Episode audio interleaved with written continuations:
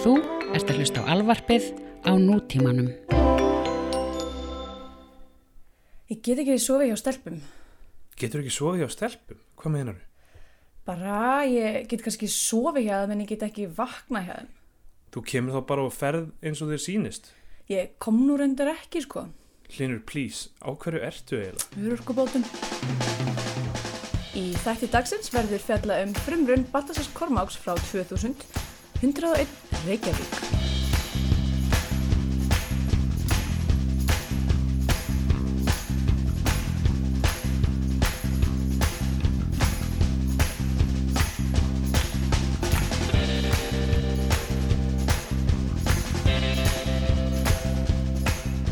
Sæl að vera velkomin í Bíó 2, hlaðvarp um íslenski kvikmyndir. Ég heiti Andrea Björk og með mér til að stjórna þessum þætti er Steindor Gröðar. Halló, Sæl og blessaður. sæl, hvað eru gott? E, bara ágætt. Ég er bara, oh, svolítið svona groggy. Mm -hmm. E, bara, þú veist, skamdegið og allt það. En ég var reyndar að kaupa mér svona, svona hlussur risa D-vitamintöflur sem eru, sem eru bara, þú veist, eiga virka í heila viku í senn. Þannig að Ha? Já, bara þú veist þær eru sko hjúts, það er mjög erfitt að kynkja þeim en þær virka í heila viku í senn þannig að því er svo lélega að muna að taka pillur og gleymi það, þú veist Þetta er alveg að bylta hugmyndum mínum um meldingakerfið. Já, Af því að ég, minn, minn skilningu var að, þú veist, sama hversu stóra máltíðu borðar, hún endist þér ekkert eitthvað mikið lengur. Þú veist, þú getur ekkert borðað bara eitthvað heilan kalkun og, og svo verið sattur í viku, sko. mæ, en ég meina þú veist uh, Ég, kannski, ég veit ekki neitt, sko. Ég Nei. læt stundum eins og ég veit eitthvað um næringu, ég veit ekki neitt, sko. ekki heldur sko, ég, veist og mögulega er þetta bara eitthvað sham en ég sá bara eitthvað, að þannig þeir bara að taka eina töflu og hún virkar í sjö daga það er miklu betra en venjulega hérna skýmið ein töflu á dag Já, Þannig að uh, ég er bara stökk á það en, en þú veist, mögulega er þetta já, mögulega er þetta bara eitthvað skem já. En kannski, veist, kannski þá hefur þetta eitthvað svona placebo-effekt þannig að ég held að ég sé mikið eitthvað mikið D-vitamini og Já, ég held hérna, að vítamín virki þannig að þú getur blekt líkamann til að halda að þú sért búin að innbyrða þig vakni bara fersk á hverju mótni Virka það eins. en svo reyndar er ég náttúrulega að fara til Líbanon eftir viku þannig að þá fæ ég kannski smá sól Já, já. það get, held ég geti gert geti gert góð hluti fyrir mig Ég held einmitt að, að, að sjómenn til þess að forðast það að fá ekki skýrbjú þá borðaði svona gerfi ávexti á skipunum þá heldur líka þessi að fá Að- C-vitamin. já, einmitt, þannig virkar þetta Herru, núna er hérna, er, þessi þáttu kemur út með jól og nýjárs. já, Um, hörðu, hann kemur hann rút held ég á jóladag. Ég örglega ekki, örglega, við ætlum ekki að þvinga fólk til að vera, vera að setja inn þætti fyrir okkur á einhverja vefsíður á jóladag. Alltaf leið, þú veist, hei, ég hérna, ég veit ekki, ég hérna, nú veit ég ekki mikið um tækni en ég held að sé hægt að sketsjuala pósta. Já. En já, þetta er alltaf svona jólaþátturinn. Já, velkomin í Jóla Þátt Bíó 2. Við erum ekki með neitt sérstaklega jólalegt til, til að gera. Uh, við ætluðum, sem sagt, að taka fyrir kvikmyndina Desember sem að er jóla þema, þemuð mynd. Það, var, það er ekkert ótrúlega mikið íslenskum kvikmyndum sem eru með jólaþema eða jóla svona sem gæti flokkast sem jólamyndir, þú veist, á sama hátt og Die Hard er jólamynd. Fyndið allir nefnir Die Hard fyrst en ekki, þú veist, eitthvað Miracle on 34th Street eða Jingle All the Way eða eitthvað svona. nei, þú veist, af því það eru, það eru tvær tegundar af jólamyndum. Það eru jólamyndir sem fjallum jólin, Mm sem er eins og, þú veist, Love Actually og Miracle on 34th Street og hérna Freddy Claus og whatever. Og svo eru jólamyndir sem eru bara myndir sem bara gerst á jólunum og, þú veist, og það er eitthvað, allavega ég seti tvo flokka. -hmm. Um, þú veist, þannig að uh, Kiss Kiss Bang Bang er jólamynd teknilega séð Já. að því hún gerist á jólunum en hún er ekki jóla-jólamynd. Já, Það, þannig að það flokkast í jóla-jólamyndir og jólamyndir. já, og það, þá er myndin sem við ætlum að tala um í dag, 101 Reykjavík, er þá, þá jóla, jóla, jóla, Nei, bara, jólamynd, bara, ok. bara jólamynd. Úf, þetta, þetta er oflókið. En ég veit ekki með desember sko, hvort að hún sé jóla-jólamynd eða bara Nei, ég jólamynd. þú veist, ef, ef íslensk mynd ætti eitthvað fjalla um jólinn sérstaklega, Mhm. og þú veist, það, ég meina, uh, og þá viðfangsefni snýst bara, hún, hún gæti ekki verið á öðrum tíma árs af því að jólinn skipta það miklu máli í henni. Uh, þá, þá þyrfti örgulega að vera eitthvað svona jólasveina og grílu element eða Já, ég, jólakötturinn ég hugsaði mynd eitthvað svona, fyrst sem ég hugsaði var eitthvað svona, mm, svona, jó, svona, þú veist, eitthvað svona ginger snaps nema með jólakettinum eða eitthvað svona, eitthvað svona hryllingsmynd uh, að því ég held við höfum að miklu að taka til þess að gera jólarhryllingsmyndir það er svo mikið af elementum í okkar, okkar jólahefðum sem eru, þú veist uh, spooky. Spooky. Spooky scary, já, eða allavega ég held að, og líka mér finnst bara einhvern veginn eins og uh, ég veit að það er búið að vera eitthvað eitthvað eru svona, þú veist hryllings og gór og alls konar í Íslandi eitthvað kvikmyndir gerðar. Ég hef ekki séð neina þeim, við kannski tökum endalega fyrir eitthvað svo les á eitthvað um tímapunkti en uh, ég held að við höfum en það er að koma út ný mynd sem heitir Mara eða eitthvað svo les já, sem fjallar um ég ætla að giska á mannsku sem er offsótt af möru. Hefur þú fengið möru? uh, það er svona sleep paralysis eða ekki, já, nei, held ég ekki nei uh, ég hef ekki fengið svona eða, semst, ég, ég hef lendið að fá slí- sleep paralysis en þú veist, rosa margir lendið að sjá aktuell möru sko. Ég, Já. ég hef lendið að fá svona sleep paralysis og, og halda að sé ykkur inn í íbúðinu minni. Já, þú, þú liggur þarna og getur ekki hreift þig og þú heldur að sé eitthvað svona já, ég svona sé svona einhverju hreyfingu in the corner of my eye. Það er, það er fáránlega óþægilegt sko. Ég er meira svona að ég bara bladra upp úr sefni stundur, stundur rísi upp og eitthvað svona er eitthvað að benda eitthvað á kærasta mín er eitthvað það nei, nei þetta þetta er ekki neitt. Ég, já, ég er og stundum hvað er, hvað er það að segja? það er yfirleitt óskiljanlegt sko. Uh, en stundum er ég eitthvað að labba um og eitthvað hérna, ég læt pí- pínu, pínu illa í svefni sko. Já ok. Þú ert ekki, hérna, þú ert samt ekki ábyldsfullur Þú ert ekki slást í söfni hvað við kærastunum mína? Nei, bara við eitthvað, þú veist. Nei, nei, það held ég ekki. Nei, nei, nei, nei ég, Það er, ég hef aldrei lent í slag á æfinni sko þannig að- þannig að ég Svo þú vitir. Já, kannski er ég, fer ég um á næ- nóttu, að nóttu til og lem fólk. Ertu með hérna sleep fighting sem að er hérna syndrom sem að hérna Ron Swanson er með í, í, í Parks and Rec. Sleep fighting. Já. Uh, Já. En þannig að við ætlum að reyna að hafa þetta svona á jólulegu nótunum uh, og Hvernig erum við búin að plana það eitthvað? nei bara, þú veist, við erum að fara að tala um jólamynd Já, já.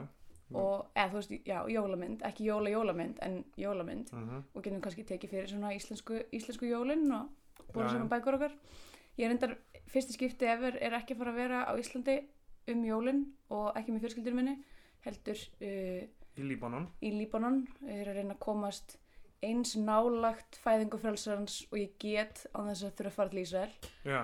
Og hvað, hérna, ætlaði að gera í Líbanon? uh, við ætlum bara að fara að drekka ekki að mikið víni sko vonandi, ég veit ekki nákvæmlega alveg hvernig ástandið er einmitt núna en Beirut er held ég bara flott sko en ef við ætlum að, reynda að bóka ykkur eitthvað svona víntúr uppi, uppi hérna fjallkríkin sem er hérna fyrir utan utan, utan Beirut og ég er ekki búin að fá neinn svör þannig að mögulega erum við bara að fara að hanga af því að það er sundlaug á toppinum á hótelun okkar þannig að í verstafalli verður þetta bara vika af því að vera full á hótelbarnum Mm.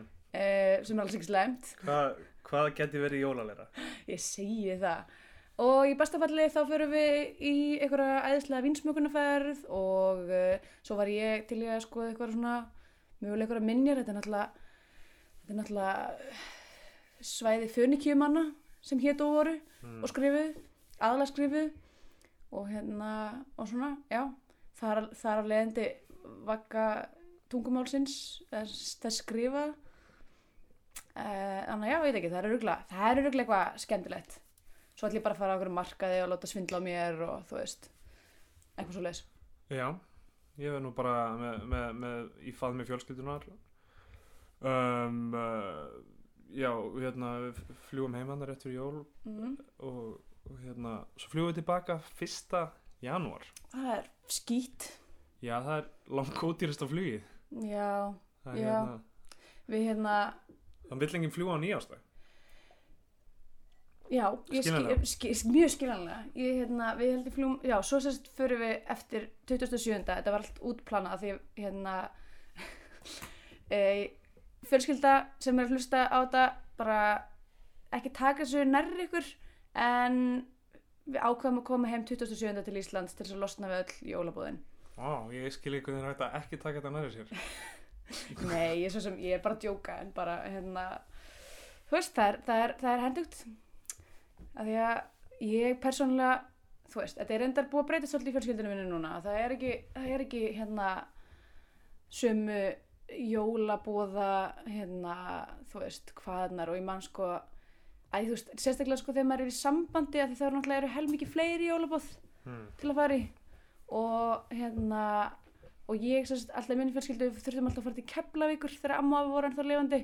Og það var eitthvað svona sem kannski langaði minnst að gera þú veist á jóladag var eitthvað að fara í fín föt og keira til já. og svo núna einmitt, einmitt þegar amma mín og afi eru dáin og við erum ekki lengur að fara til Keflavíkur þá byrja ég með Jóni sem á fjölskyldu í Sandgerði þannig að þá þarf ég samt að klæða mig upp og keira, keira á Reykjaneskagan Þú Eh, auðvitað ok. fordalambið í þessu öllu saman. Já, þetta er náttúrulega alveg sko.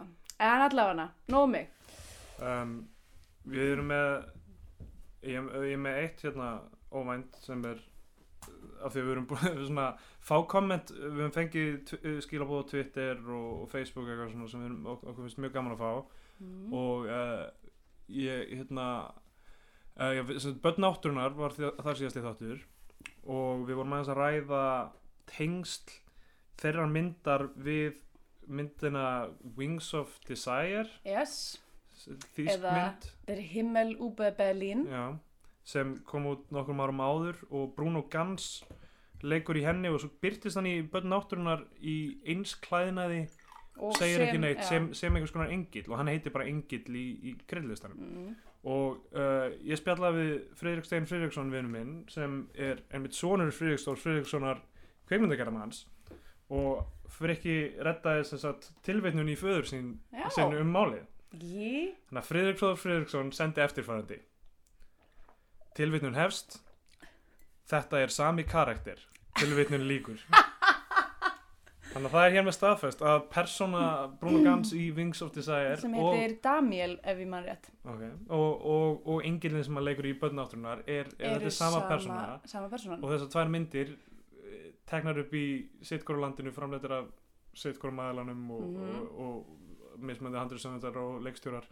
Þetta er hérna þetta er sama persóna, hún er í sama heimi. Vá, bara what a crossover. Já, Og það staðfesti líka að börn náttúrunar gerist fyrir uh, 87 en ekki 91 eins og myndin kemur út af.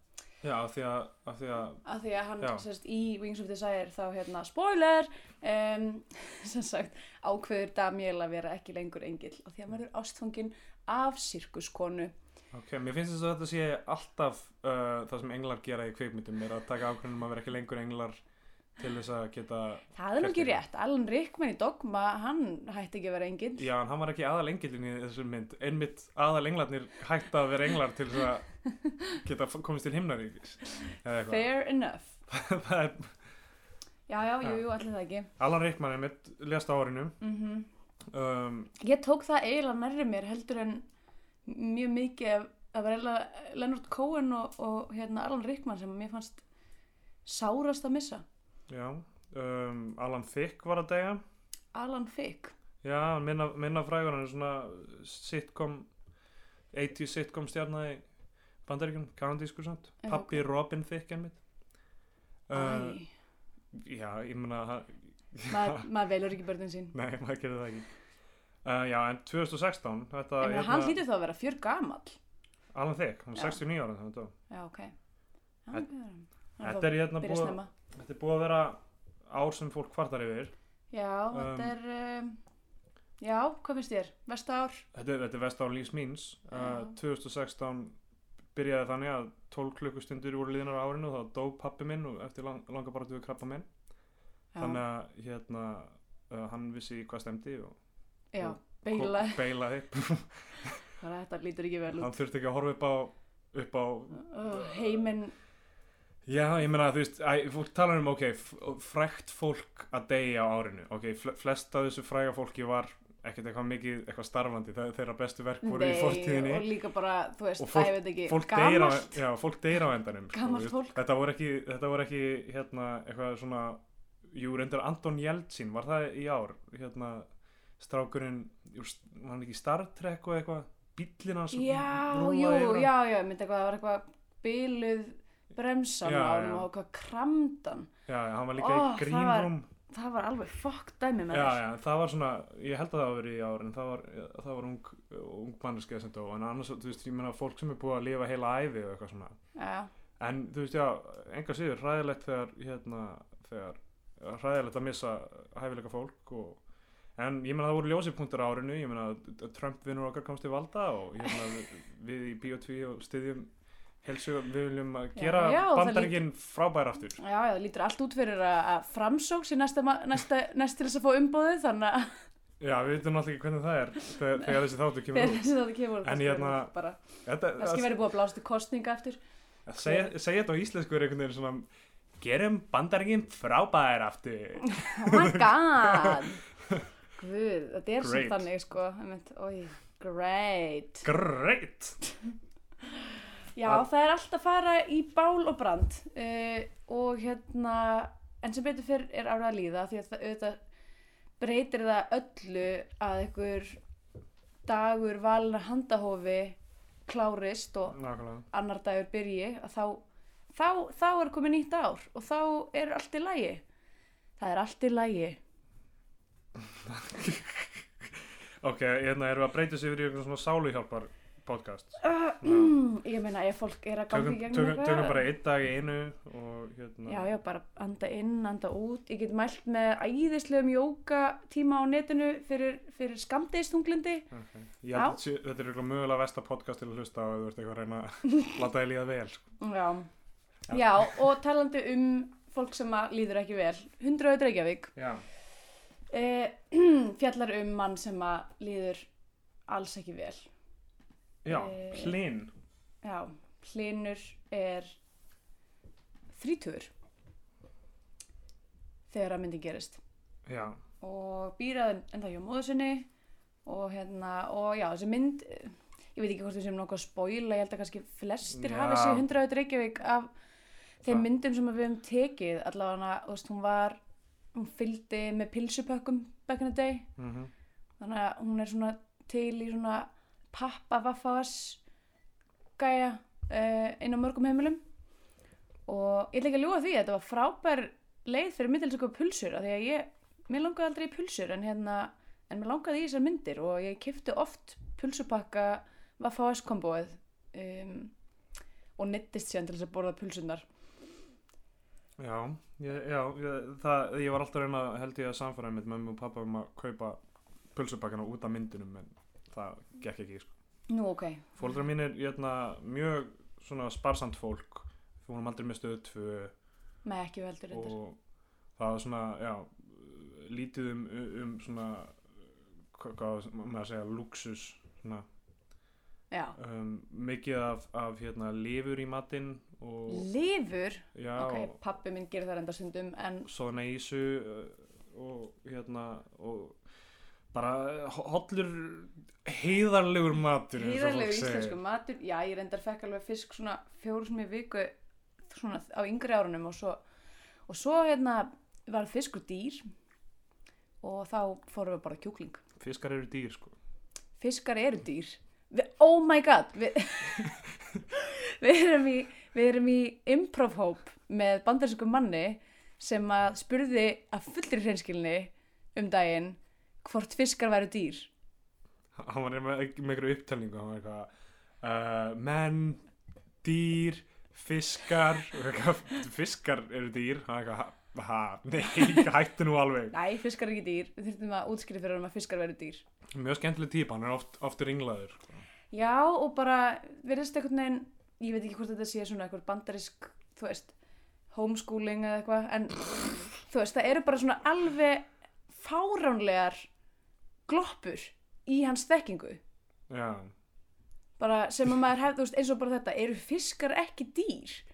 þetta er samt alveg er þetta samt ekki eitthvað sem þú getur bara eitthvað svona aðeins uh, ringlast á í haustnum í veist eina sekundu af því að þú veist það er fullt af hlutum maður er ekki hugsað um það svo lengi sko. það er alls konar svona hlutir úr einhverju svona líffræði, náttúrfræði, eitthvað svona dót sem maður var að læra tíu ára eitthvað. Áðan var, þú veist, um dag, daginn var ég að reyna að rifja upp, þú veist, sögun um rauðhettu. Ég hef bara ekki heyrt hana svo lengi, ég man ekki alveg hvar hvar, þú veist ein, ein, einhverja personur kom inn, eitthvað veiðimaðurinn eitthvað svona, Held að veiðimaðurinn sé bara svona Deus Ex Machina ykkur. Hann, Hann- kemur bara á síðustu stundu. hún er búin að hitta hann á leiðinni, eða það ekki Er það? er hún ekki búin að hitta hann á leiðinni? Ég held ekki. Ég held að hún sé bara að fara, fer að heita ömmu sína og ammennar er búin að vera getin af úlfi og úlfurinn er að þykjast vera amman. hún þekkir ekki munin á Nei, ömmu hún sinni og þekkir ekki munur af því að, þú veist, hún er greinilega blind uh, og já, og svo kemur bara gæinn, viðmaðurinn og bjargar þeim, eða bjargar henni. Mér, og, sí, mér finnst sagan um rauðhettu, hún, hún sýnir mikilvægi þess sko að velja hver er protagonistin í sögunni, hver er aðalpersonan og þannig er valin uh, rauðhetta sem er, hún er með einkennandi útlit, hún er ung, hún er hérna sexy, skilur þetta er svo er hún spennandi. sexy? Nei, ég, í- ég, Ef ég man hérna- rétt þá er hún barn. já, já, skeytir ekki máli, börn eru meira sexy en gamalt fólk í kvikmyndum. Já, Ok, þetta þú ert að, þú ert að, nei, nei, þetta er rétt hjá þér en ég vil ekki viðurkenna það. Já, en þú veist, auð, auðvitað hefur frekar börn í aðhlutverk en gamalt fólk af því að, Nema gamla mannskjan sé Helen Mirren. Hvað er málið með það? Já, hvað meinar þau? Bara Helen Mirren. Hvað er málið með hana? Hún er í- norn eða eitthvað, ég veit það ekki. Það er ekki hægt að vera svona gamall og vera svona hot. Ok, ok, ég held Hún bara er fáránlega hot og ég bara, þú veist, ég veit ekki hvort að, bara eitthvað freak of nature, allavega. Ég, var- ég var reyna, ég var reyna að make a point á Já, já, alltaf leið, ok.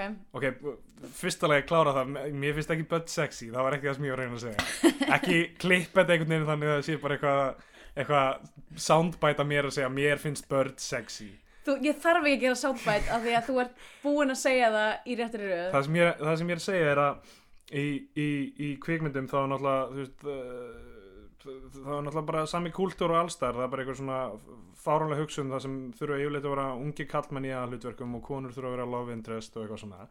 Og ef þú ætti að velja milli þess að gera myndum krakka eða gamalt fólk þá velur þú krakka því að þú veist gamalt fólk fer ekki í bíó eitthvað svona ólíklega til að kaupa miða en unglingar, aðalega kallkis unglingar er einu sem fara í bíó lengur eða eitthvað.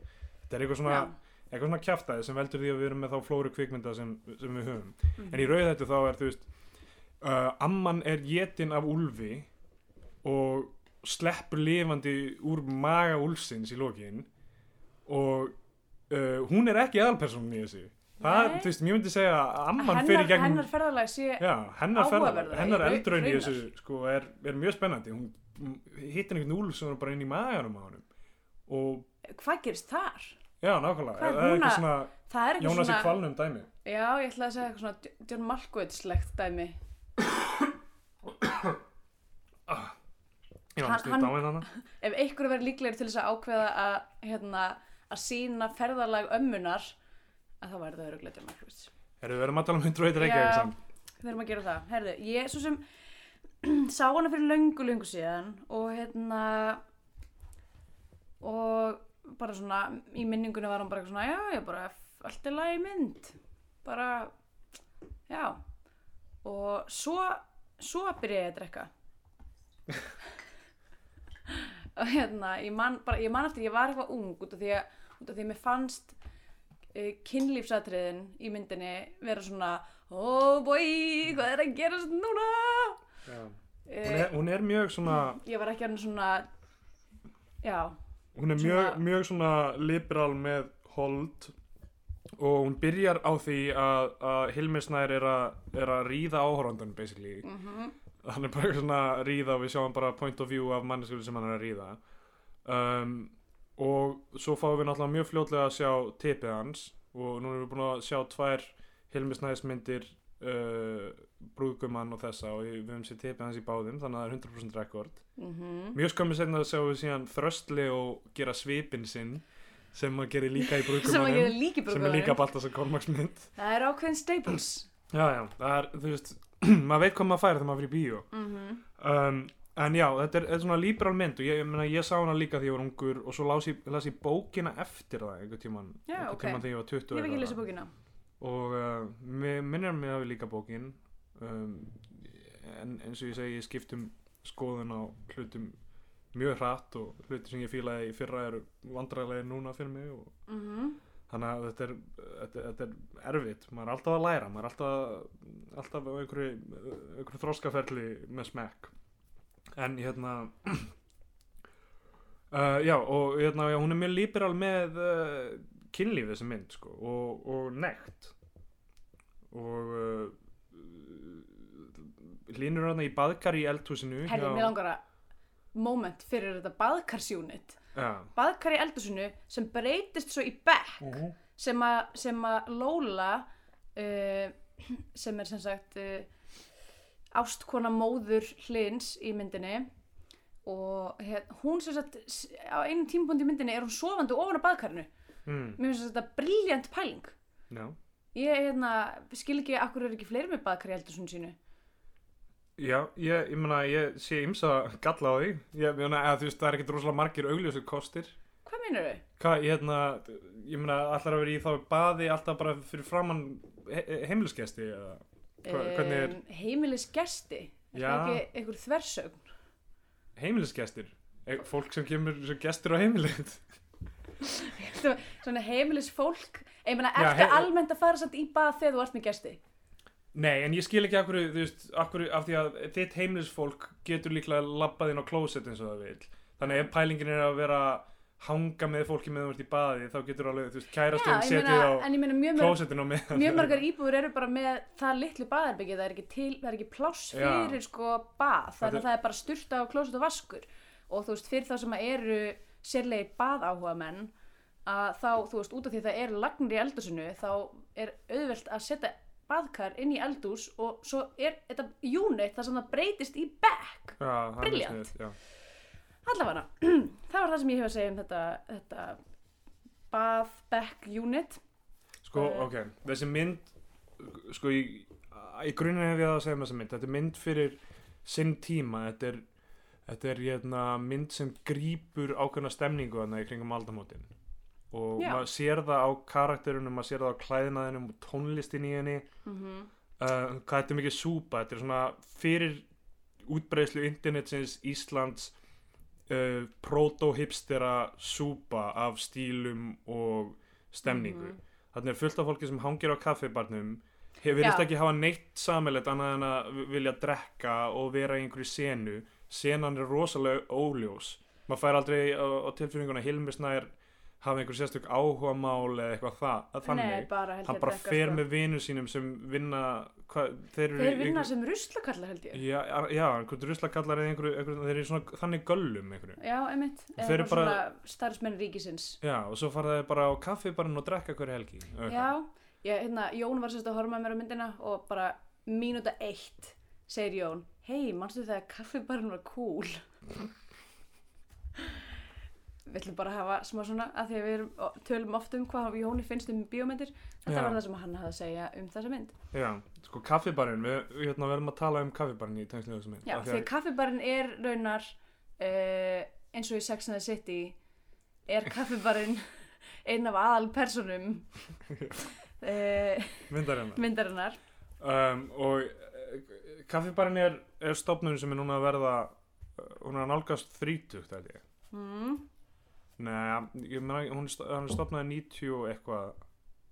Nei, hann er 25 ára, held, hann var 25 ára í, í fyrra eða eitthvað þannig, held ég. Það var eitthvað ammali Og um, um, kaffibarinn uh, hefur gengið í gegnum mörg skeið.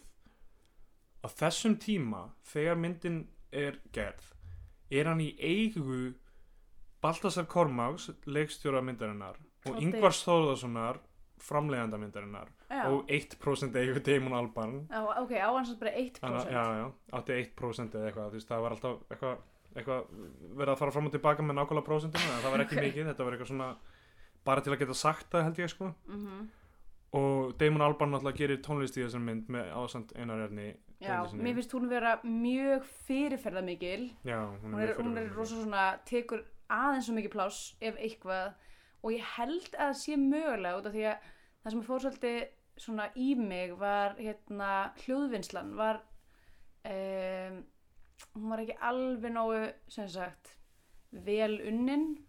Að það að, að, að, að, því leitinu til er að það var rosa mikið döbbað yfir og hérna og maður heyrir það sko milli uh, milli sena og herbyggja að það er alltaf sami ambíansinn. Já, já, já. í öllum, öll, að þú veist að hvort sem þau eru á kaffibarnum eða heima hjá sér eða Mm. úti, það er sami ambíansinn á öllum, öllum hljóðupptökunum sem að, þú veist og ég held mögulega að tónlistin hafa verið sett svona ríkulega inn til þess að maska þetta eins Já, sko og það er náttúrulega gegnum gangandi þetta músak útgáfa af Lola með Kings já, er þemað. rosalega oft af því að, af því að personan heitir Lola sko. við erum að fara mjög óskipilega gegnum þetta. Ég var að tala um kaffibarinn. Ok, Ingvar Þórðarsson framlegandi myndarinnar átti kaffibarinn þarna með, með, með Baltasar Kormaki. Ingvar Þórðarsson er mjög áhugaður persóna. Hann uh, var tvítur þegar hann uh, fram til bankarann og fór í fangelsi og síðan þá þá var hann uh, hef, hefur hann verið virkur á sviði skemmtana lífs og, og kvikmyndaframleyslu og, og flytinn tónlistumenn hvaða bankar hendan? uh, hvað var þetta, var þetta ekki eitthvað, Oh, ég held það. Æðislegt. En allavega hann satt inni fyrir það. Svo byrjaði hann að vinna þetta með hann hefur gert framleitt myndi með Julius Kemp mm. og uh, hann stopnaði Einar Ben hérna á veitingastæðin í Veldusundi sem er núna held ég eitthvað, eitthvað svona er það ekki núna orðið Pablo Discobar? já eitthvað þannig og ég hef náttúrulega ekki komið heim eftir að eftir nei, að það það gerst meinti ekki uh, en hann er karakter þessi maður. Hann, uh, ég er með, með grein sem kemur út ári eftir uh, ári eftir að uh, 101 Reykjavík kemur út í DFF sem er full af dil, dilgjum reyndar þannig ég veit ekki alveg hvað það satt í því. Mm. En uh, þeir Baltasar kynntust uh, þ- þegar þeir sem sagt uh, uh, þeir eignuðu saman uh, skeggjastað í Moselsveit þar sem þeir byggu saman í nokkur misseri. Ok, svo keftu við kaffibarinn og uh, svo framleituðu myndina sem gerist miklu leiti á kaffibarnum sem er aldrei þetta er svona smá auglýsing fyrir staðinn. Einmitt. Og svo sko lokaði kaffibarinn þarna út af, út af einhverjum vangóldnum sköttum. Já, og yngvar flúði land. Og í þessu viðtalið þá segist Baltasar vera að leita að honum og við ekki vita hvað hann er. Um, en við vitum núna að það gekk upp og þú veist, gaf bara náttúrulega aftur og hefur skipt um eigendur undar og, og svona. Mm. en yngvar líka, hann uh, er kvensamur og hefur talað um það í uh, bók sem hann skrifaði inn á hrauninu. Ok uh, uh, meðan hann hérna, þetta er allt bara upp úr þessari DFF grein sko og ég bara, þú veist, ef ég er að segja eitthvað, vitleysu hérna, þá er það DFF að kenna ekki mér. Sem sagt skrifaði bók meðan hann var í fangelsi og uh, og þar talaði hann dálítið um kvensemi sína. Og svo stendur hérna í nærmynd sem Andrés Magnússon vinur hans ritaði mann í mannlíf 1998 en hann sagður kvensamur með afbreyðum og sagður fadir fjögurabatna með jafnmörgum mæðurum fyrirvændi eiginkona hans Tristan Grippin leikona segir um hann í Kristan Grippin. Já, ég veit ekki, segir um Ok. hann í, áminnst, í ámyndri grein að hann sé einstakur maður en algjörlega vanhæfur til að vera giftur.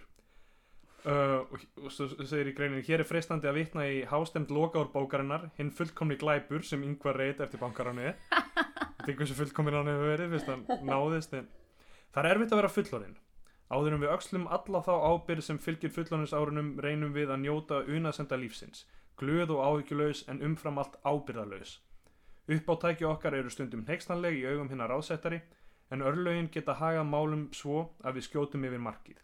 Stemning augnabliksins og óbeisluð æventýra þrá kann að ruggla okkur í rýminu mér var það á í messunni og síp nú segiði af því. Við ykkur segi ég bara gangi hægt um gleðina dyr. Já, og mér finnst þetta svona sína af hverju, af hverju hérna, yngvar hafði áhuga að gera þessa mynd 101 Reykjavík upp á Mhm. bók Hallgríms Helgasonar sem fjallar um personu sem gerir þetta nákvæmlega hann, hann reynir ekki í banka en hann, hann er ábyrðalaus og, og já, hann er bara algjör fáið já, hann er, er algjör, algjör deli sko. hann er algjörðeli uh, allt sem hann gerir í þessari mynd er basically bara Já. að hann bjargar engum ketti upp á við myndanina, það er alveg ljóst já, og heldur betur En ég meina hann svo sem kannski áttar selva á því þótt hann tala ekki mikið um það uh, hérna eins og hann segir um sjálfan sig hlinsungin er, er, en styggur, er styggur en, en, en, en, þannig, styggur en meinlaus. Að Hann- alltaf reynir að, reynir að fremja sjálfsmorð. Já, já, um, með því að lappa upp á fjall sem að dude, það er ekki já, liggja í snjónum. Já, bara það er rosalega léleg leið til þess að taka lífsitt sko. En, en þetta sem ég var að segja með rauð þetta líka ég velti fyrir mér með, með þessa mynd sko, af því að um, móðir hans, leikina Hönnu Maríu og, og þessi uh, kona sem kemur að eins og stormsveipurinn í líf þeirra Lola, leikina Viktoríu Abríl einmitt, sem er, sem er flamingo kennari Já, og uh, eins og þið þekkið úr, úr, úr hérna sögutrænum þá, þá er hún ástkona móður hans, mamma hans uh, er að koma út úr skápnum eftir, eftir öll þessi ár og uh, hlinur sefur hjá, hjá hérna, Lólu á gamlarskvöld sem rugglar allt í rýminu og Já. eitthvað. um, og barnar hana og barnar hana eftir því sem við bestu vitum allavega Já.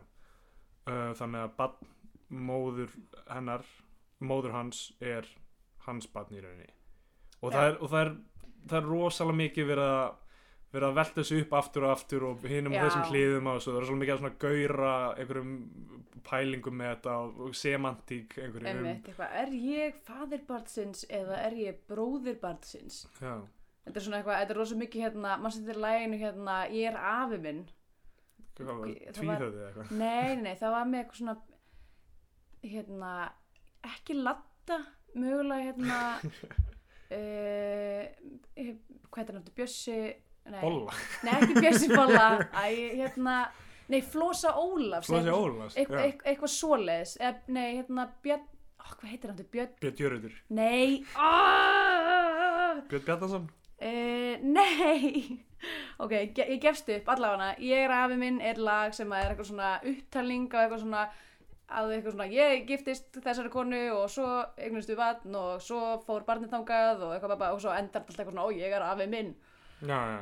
Það er eitthvað, þetta er greinilega eitthvað sem Íslandika pæl svolítið í en það, þú veist, Já, já, ég meina þú veist, og, og þú veist kemur svona stöf fyrir á það- Íslandi. Land er byggt á sifjaspellum og, ruggli, sko. Mm um, En, þetta, já, það sem ég var að reyna að segja með rauðhettu er sko að Mamma Lins er eiginlega að fara í gegnum einmitt áhugaverðasta journey í þessari mynd. Algjörlega. Hlinur fer ekki í gegnum neitt journey að ráði, sko Mamman, hún á þessum aldri með þennan óstýriláta svon sinn barsfæðurinn er drikkjumadur og, og, og, og í ruggli uh, hún fer að finna hjá, hjá sér kendir sem hún hefur ekki fundið áður eða byrt, bælt niður áður einmitt, hún uh, kynist þessum flamingodansari sem er yngri en hún.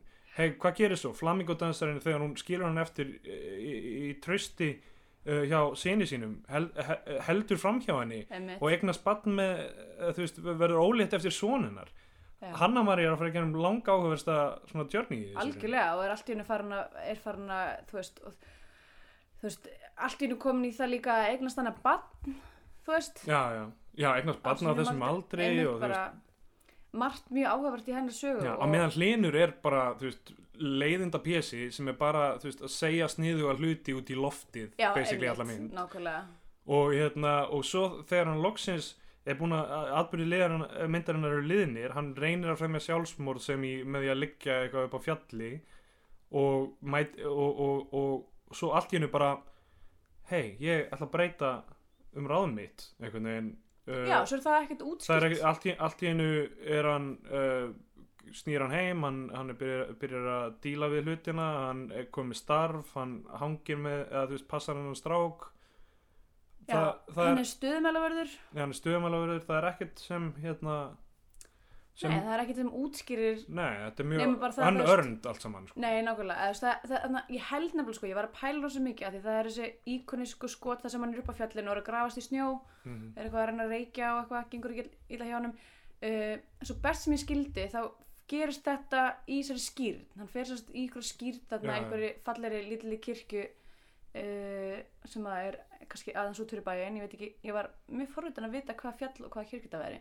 Allavega uh, og sem sagt ætlar að mæta í skýrnina hjá barninu sínu sem er líka bróður hans uh, eða sýstir hans eða eitthvað sem hann ekki bróður hans, hans, allavega Kristinn heitir hann. Já, já. Og fer upp á fjall. Og svo, en þú veist, en við erum búin að sjá þessi skot upp á fjalli í gegnum alla myndina. Já, og hérna e, já, og svo er hann bara hann að liggjandi og ætlar að reyna að deyja búin að skrifa eitthvað svona miða eitthvað hérna ef að það er hægt að sakna þegar maður er dáinn þá mun ég sakna en mamma eitthvað PSG pappin eitthvað svo leis svona umulegt hann lætur allt snúast um mynd. alveg, hann er svo sjálfhverfur sko. Það var annar mómenti þar sem hann var eitthvað að rífast í, mamma hans fyrir að gráta því hún, og spyr hann eitthvað svona af hverju þetta gerir þetta því hann er eitthvað að bölvast í þeim út af því að þú veist, Mhm. af því hann er sjálfhvert fíbl mér langaði bara að gefa hann selbít sko, snap outfit, algjör fáviti.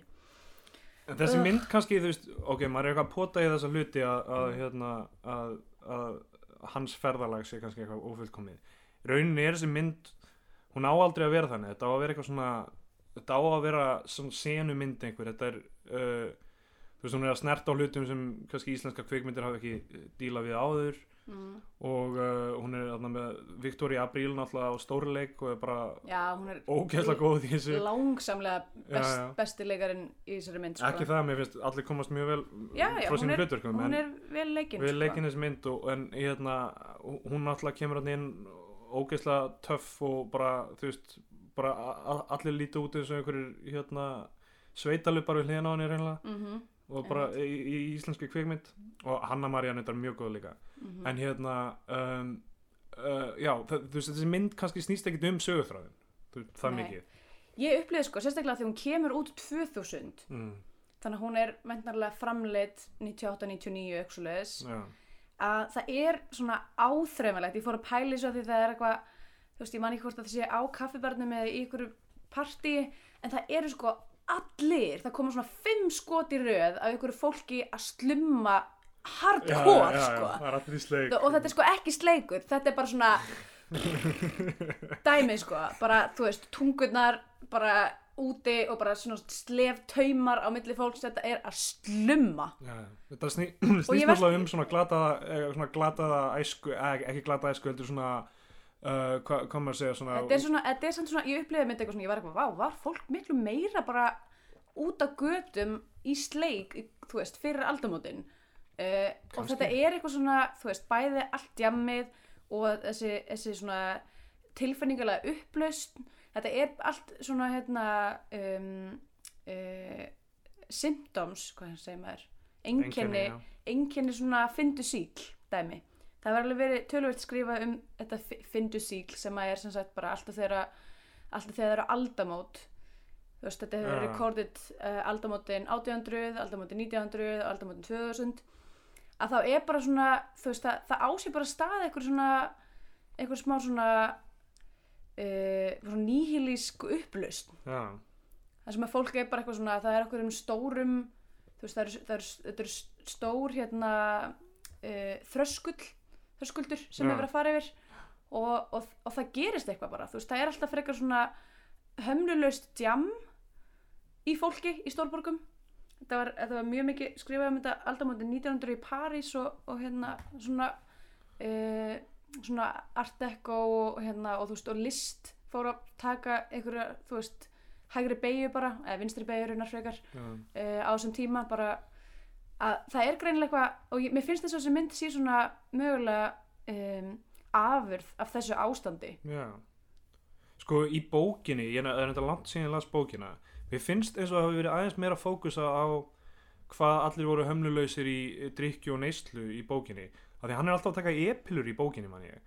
og, já, og í einu, einni sinni í bókinni þá þegar hann fer, hann fer til systur sinnar í jólabóð mm -hmm. og uh, ímynda sér hann skjóti fjölskylduna í spað af því hann, ég veit ekki. Taktu eftir þetta jólabóð eh, er stær langt í burtu. Að það er að keira langt ángar Já. ég held að öll jólabóð séu stær langt í burtu.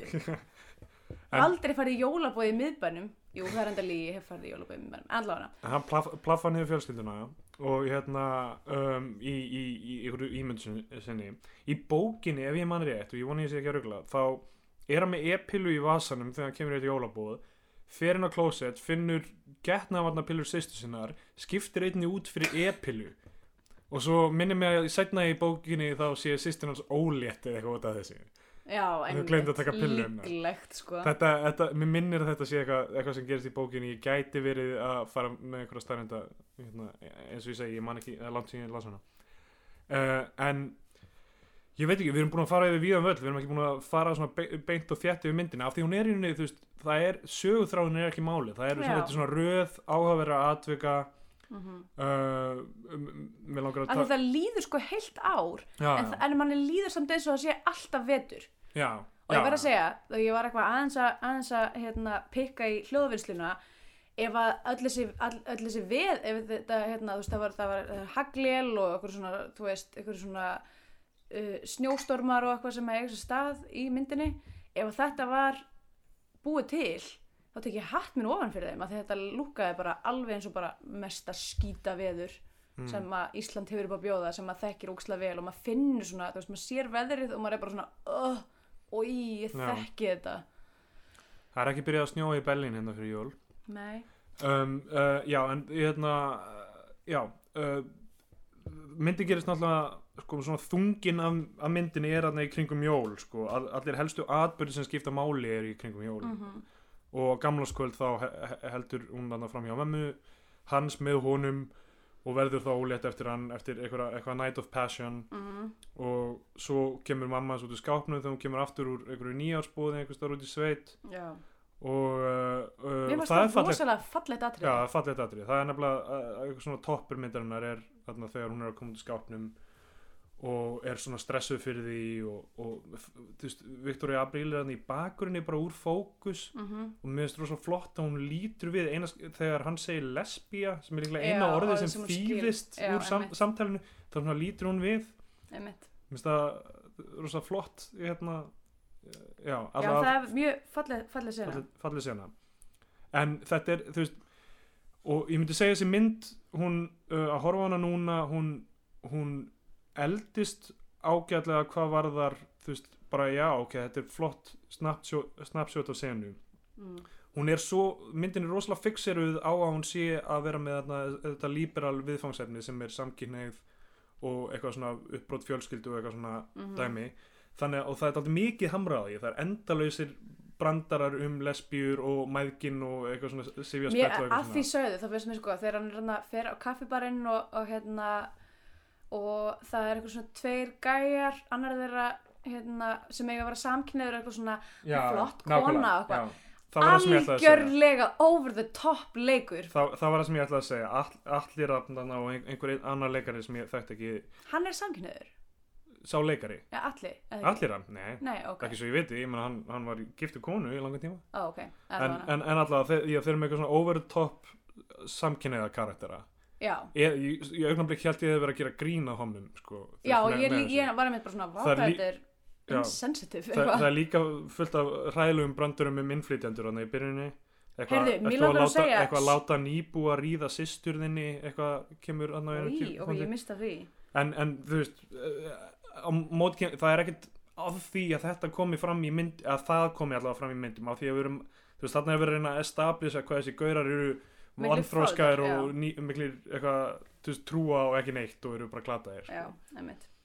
Um, en uh, en þú veist hún, hún, þannig að hún ég myndi segja hún, hún eldist vel að, því leitu uh, hún er þetta snapstjót af senu og þú veist hvernig all, all lúkar og, og þannig Já, og, rosalegt Já. úrval af rúlupeysum, hérna, rúlukrafapeysum sem að, sem að hlýður í. Bara ég er græn, fæ græna bólur bara af, öfu, af öfund, nei. Það, og mm, eitthvað að skoða þetta uh, þetta ártak um, en, en, en já hann, uh, þetta, þetta, þetta eld, eldist vel að því liti og en, en það sem aðeins gerir þetta dated er hversu mikið er fótu- fókus á hversu frjálslind þetta er allt saman þetta þykir ekkert rosa spennandi og frjálslind lengur. Það er kannski ný, nýjar orustur að há um það. Mm, og, og ok, það eru þessi skrýni homabrandariðana og eitthvað svona. Um, já, og En- þarna mómentið það sem að, það sem að, hérna, gælan er eitthvað, þegar hún er að tala við Lólu, já, já, segir eitthvað, a real lesbian, ha, ég hef aldrei hitt lesbíu áður nánast. Bara hold the phone. Og líka fyrir utan það að segja bara, a real lesbian, eins og þú veist, uh, en, en, en allavega þá hérna algjörlega fárulegt sko. Þá er líka svona smá deytet eða svona sem síns tíma í þessu sem er þessi gaura sniðuheita húmor eitthvað ég er 20 eitthvað ára ég er algjörð skáld dæmi sem fullt af fullt af fólki fyrir gegnum aðalega strákarögla sem eru bara að halda hvert orð sem út, út en það kemur sér gull. Mm og, og hann er allan tíman bara eitthvað svona oh, tjöðlur hugsanum minnar ógeðslega sniðuðar og allir eru bara, allir segja hlutina með svo miklu smögnes í þessum gaurahóp. Þetta er svona eitthvað, þetta er eitthvað sem er síns tíma líka, ég með þetta er alveg ennþá en kannski, kannski kalla, kallar séu veist, þeirra plássi aðeins að minka með svona laga, við erum að gera grína þú veist, divaf kommenturum þegar þeir eru eitthvað með heimskulega orðaleiki um fréttinnar og eitthvað svona. Já, núna sko að þetta, þetta kemur í bylgjum sko. Núna er hérna um, þú veist, núna, núna er, er, er, er írónía þú veist, ekki það mikið í tísku. Núna Nei, er bara, þú veist hreinskilni og einlægni er svona smá coming up sko. það, sko, mér finnst þessu sko, fólki sem er svona kannski fimm árum yngri en ég Já. þau eru öll í þessu, öll í þessu hérna, þessi einlægni sko. mér finnst það, mér finnst það alveg feitt sko. ég hérna, er alveg honestly komið nett leið á svona, einmitt, en þú veist líka smögnis er alltaf fucking boring shit Já, sko.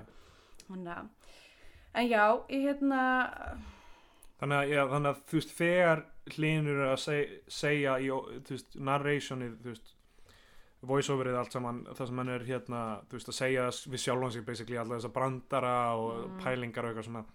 Það er aldrei síns tíma, það er svona pínu en það, en það er það sem gerir þessa mynd þessi mynd er náttúrulega bara en það er út af því, að því, en ég veit ekki að því fyrst ég sá hana þá einmitt upplýði ég eitthvað svona já, hann er svo snjall og fyndin og ha og núna sé ég miklu betur bara eitthvað, oh, já, já, já, algjörlega það, þessi mynd er það, það er svona síns Mannabarn. tíma sko. again, kvikmynd sem að Baltasar Kormákur gerir um mannabörn já, já. það verðist vera eitthvað ströggul hjá þessum manni að brúðguminn var líka mjög mikið um mannabörn Já, já. Nei, ég meina, fó, já, fólk gerir örugglega myndir um það sem það þekkir og ég meina, Baltasar hefur alveg verið opnið skárum bara sína við alkoholisma og já, já, eitthvað svona, þú veist, eh, já, þannig að það, það er nákvæmlega sem fólk á að gera líka. Já ég, það, það er nú allavega það eru nokkur, ef við ætlum bara að vinda okkur beint í Scandinavian Pain Indexing Já, að það eru vissulega alkoholismi er, er og svona og eiturlífa nótkun og hérna og svona e, það, það, er, það eru coping mechanismar við hrigð Mhm. og maður sér það, þú veist, það er, það er eitthvað þarna í fortíðinni hjá honum Linn með föður hans sem að er núna uh, svo best sem ég skildi útigangsmaður. Já, um, og, og fellibita að það eru, það eru, það er eitthvað svona það er eitthvað undirliggjandi hrigð þar Já, og, já. þannig að, og svo reynir hann að fram með sjálfsmór það er, já, það er hérna definitely eitt, eitt svona stórt. Og svo finnst mér líka þú veist það sem hann fer á fjalli er hann að er að reyna að nota íslenskar náttúru til að drepa sig. Já, það er hérna samband mann sem náttúru er þótt að sé kannski ekki ráðandi þá er það svona aðeins til staðar já, og tala mikið um að hann, hann meiki ekki að fara út fyrir miðborgina og svona, það er, Já, einmitt. Já, náttúrulega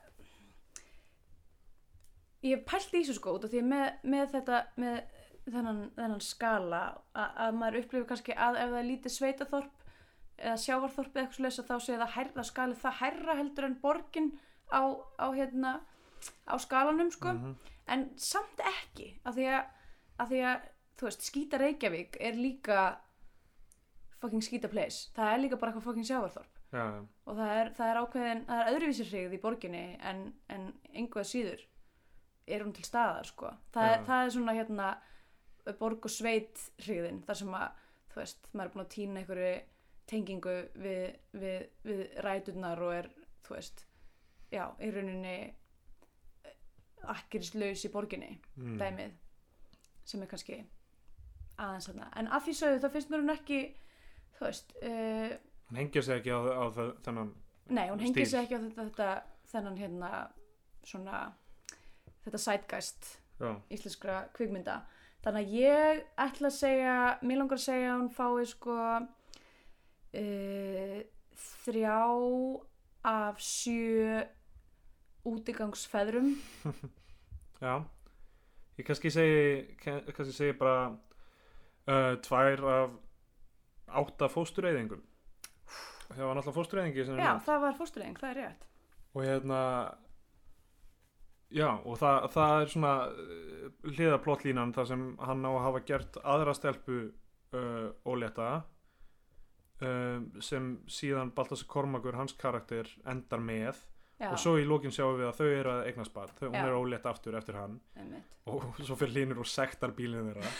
Já, það var, það var fallið hérna, það var eitthvað moment þar sem hann var að rífast, að þegar, þegar hún kemur og segir hann um hann sé ólétt, já, þá er hann að leika sér að því að borga í tóma stöðumæla til þess að stöðumælaverðurinn get ekki hérna rukka bílana. Já, ég, sko, ef að stórlega að, að því að svo ringir stöðum eða segir stöðumælaverðurinn eitthvað í hérna talstöðun eitthvað, að þið verða að koma hérna það er eitthvað gæi hérna eitthvað og það kemur bara lauruglubíl já, og hann tekur hann. Já, já. En er, svo kemur á daginn að, að því ég var eitthvað svona það finnst mér nú ólíklegt að, að, hérna, að, að lögreglun hafi heimil til að handtaka eitthvað sem er bara borgi stöðumæli. En síðan sem sagt í rauninni er bara köttað yfir á senu þar sem að við sjáum lögreglubílinn keira upp heima hjá honum að hann tekur bara í spaðan á lögreglufjörunum og fer út, þannig að hann basically fær bara frítt far til sín sem er, þú veist, mjög fyndið og ég ætla að reyna að nota þetta næst þegar ég þarf að redda mér fari í miðbar Reykjavíkur Ég fæ, fæ á tilfenguna að mikill hluti myndarinnar sé uh, atriði, það er svona mörg eftirminnlega atriði, þar sem hlínur er að hegða sér á einhvern óvinnilegan hátt. Smá svona eins og bara Hallgrímur Helgason hafi bara séð þessa hegðun hjá hinum og þessum personum Reykjavíkuborga skrifa það inn í bókina eða, eða, veist, eða látið sér dötta í hugun alltaf eða veist, fengið einhvern uh, raunveruleika og skrifa eitthvað upp úr honum. Mm að þetta, þetta þegar hann er að horfa á parið ríða og er að kommenta á Já, það og eitthvað svona uh, veist að, þessi gaur er svo mjög karakter hann er svona sniður eitthvað svona. Já, hann er rosa sniður og það er kannski, kannski við förum út í það að gefa uh, lo, loka niðurstöðu sem er annarkvort uh, þykir myndin eiga heima á flagskipi í íslenska kvikmyndasögu og fær þá íslenska fánan eða maður hefði frekar átt að horfa einhverja bandaríska Hollywoodmynd þá fær hún bandaríska bjánan. Mm. um, hvað, veist, hva, hvað segir þú þá að sé svona, hvernig sér þú það fyrir þér? Ég nefnilega var að vonast að þú myndi byrja. Ég skal byrja. Ok, um, eins og ég segi þessi mynd er mynd fyrir sinn tíma. Og að horfa á hana núna er rosalega áhugavert uh, rosalega áhugavert að sjá Ísland þess tíma sjá þennan kultúr og, og ég sé í þessu eitthvað svona kultúrleysi líka. Svona smá litla samfélagið þar sem uh, fólk uh, næri ekki að sérhæfa sig einhvern veginn í áhugamálum. Uh, eins og maður sér á kaffibarnum það er engin, engin afgerandi stefna þetta er bara hópur af fólki sem líður illa í samfélaginu og er bara að drekka sér blindfullt og hegða sér eins og fávitar mm. af því að það hefur ekkert betra release fyrir það, það allt saman mér finnst þetta mjög, mjög áhugavert hún er, hún er alltaf groundbreaking á, á margan hátt um, snertir að málefni sem hafa ekki verið tekin fyrir aftur uh, fyrir áður og, þá, og það sem gerir hana líka þá smá dated mm. af því að hún er með, með, með þann vinkil leikararnir rosalega flóð, Viktoria Apríl frábær, Hanna Maria frábær allir leikar komast vel frá þessu Hilm Snær er, er þú veist maður þá, það, með hann maður velti fyrir sér nefnilega sko um, hvort hann hafi ekki verið miklu sympathískari karakter þegar myndin kom út jú, jú, að þá hafi hann verið svona smá alþýðu hetja einhvern veginn að fólk hafi séð hann eitthvað, já, rosalega ráðviltur en hann hafi verið svo sniður og svo Já, einmitt. gaur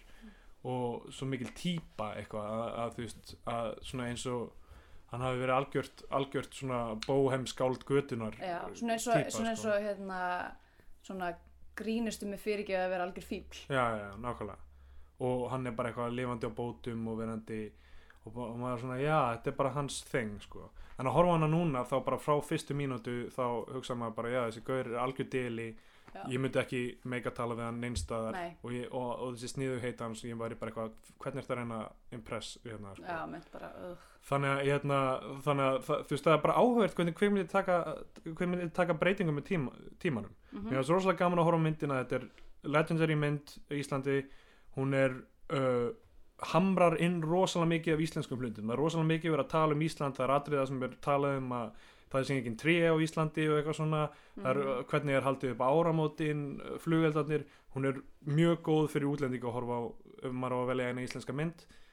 Uh, hún er ekki hún er ekki uh, fullkomin saga mannesku og kannski hefði þú veist, kannski væri gaman að sjá eitthvað svona endurhugsun ef einhver eitthvað feminist skáldan úti vil skrifa söguna frá sjónahóli Hönnumarju þá er það rosalega flott. Já. en enga Ég er síður myndið að velta fyrir mér, ég er ekki viss um hún standist Bechdel.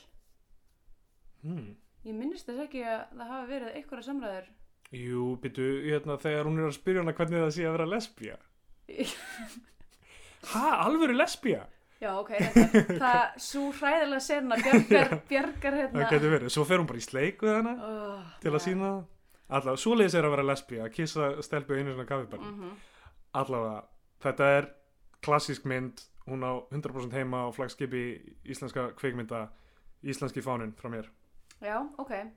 Ég, hérna, ég er að báða máttum, sko. Hún er vissulega sjúklega íslensk í umfjöldunarefni og þú veist, og svona efnistökum og, og, um, og kannski líka, þú veist, en ég held að þessi sætgast sé svolítið bara, þú veist, alþjóðlega fyrir þennan tíma. Þú veist, það var alveg mikil upplust í öðrum löndum held ég, sko.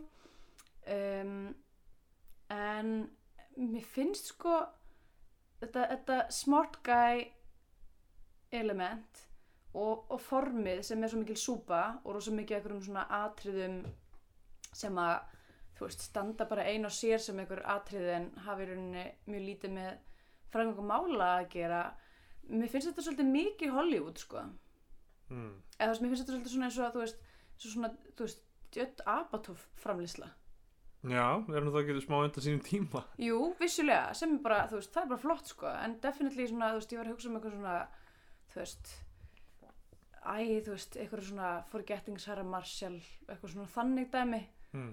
þú veist, sem er bara eitthvað svona, já, þetta er bara, þetta er bara ágætið skemmtun. Að því svo kom ég frá þessari mynd og ég var bara eitthvað, já, þetta var ágætið skemmtun. Mm Ekkert, þú veist, fyrir utan þetta eina atriði þar sem mamma sér að koma út úr skapnum, það var ekkert sem að, þú veist, sem að hreyfði við mér tilfinningulega. -hmm. Það var bara, Ég getur svona tegandi það. Uh, en mér finnst samt sem að hún, hún, hún fær íslenska fánan sko. en, en hún er þarna þú veist, hún er ekki hún er ekki, Hún er ekki í stafni. Nei, hún er ekki í stafni flagskipsins, skulum við segja. Erum við með mismandi level á fla- flaggskipinu kannski? já, ég var að hugsa hvort hún væri færi svona ekki hálfa stöng heldur kannski þrjá fjórðu. Hálfa stöng ég veit það ekki, nei, nei, hún fær íslenska fánan. Ég, ég er bara að hún, segja svona. fa- hún er í hálfa stöng á því leiti til þarna uh, voru tve, tveir leikarar ástsælir íslenski leikarar sem nýverið uh, kvöld okkur. Gunnar Eyjólfsson kemur hann fyrir og Edda Heiðrún Bakmann líka. Já, það eru tveir íslenski leikarar sem við mistum árinu 2016 já, þannig að kannski nefna það í lokina að hérna, gaman að sjá þeim bregða fyrir. Já, vissulega Uh, ég ætla að, ég ætla að taka eitt líka hérna að því við glemdum að, að nefna serjuþjóð. Mér fannst gæinn, hann þau farið kólaportið og það er eitthvað svona, ég veit ekki hvort þessi ítelskur eða portugalskur eða eitthvað, einhver gæja þarna sem að selja þeim þetta jólatré. Hann átti frábæranleik. Hann Er- var eitthvað, mér finnst það að finnasta mómenti þegar hann var eitthvað labbandi inn okkur, la, þú veist, hann bara, hann var svona naturally fyndin gæi.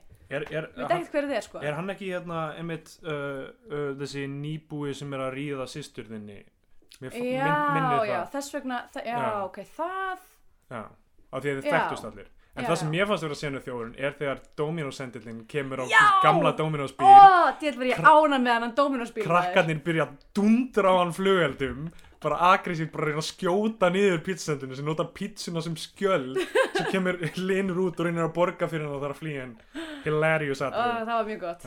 Uh, krakkar, this is douchebags. um, Bio 2 þakkar þá bara fyrir árið þessar fimm þættið eitthvað sem Já, já, þessar, þetta er ekki langt retrospektív, eh, hérna, en þetta eru búin að vera fimm skemmtileg þættir að mínu mati. Og já, við sjáumst bara hress á næsta ári. Já, vonum að þið fylgja okkur á árinu 2017 og öllum stórkostlegu hlutinu sem er að fara að gerast þar til að bæta fyrir síðasta ár. Já, einmitt. Um, Donald Trump uh, mun taka við sem fórseti sem verður strax góð byrjun á árinu. Já, já, 20. Um, janúar þá, hérna, þá drekkum við kúleitið. þá, Já, þá byrjar þetta, þá byrjar alltaf að vera frábært þetta. jöp, herðu, uh, Gleðilegt, jól, gleðilegt jól, gleðileg jól gleðilegt nýtt glár og uh, og uh, sjáumst í næstu viku. sjáumst í kvikmyndahúsinu. Bless. En ég segi það satt að ég er afi minn.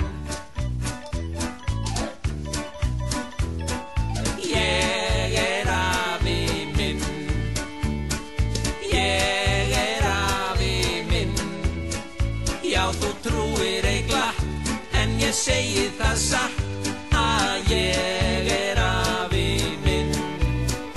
Fyrir ótal mörgum árum þegar ég var 21 Ég var giftur ungri ekkju sem var kölluð Lilla Sveins Hún átti unga dóttur sem var alls ekki svo ljót Og pappi minn varð ástfanginn og giftist þeirri snót Þetta var til þess að nú var pappi tengda sonur minn Og dóttir var og var því móðir mín.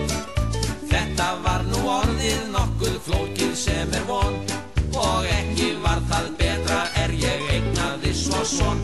Því litli snáði var nú orðin máur pappa míns. Og var því orðin nokkuð skonar frændi pappa síns. En þar sem hann var frændi minn þá var hann líka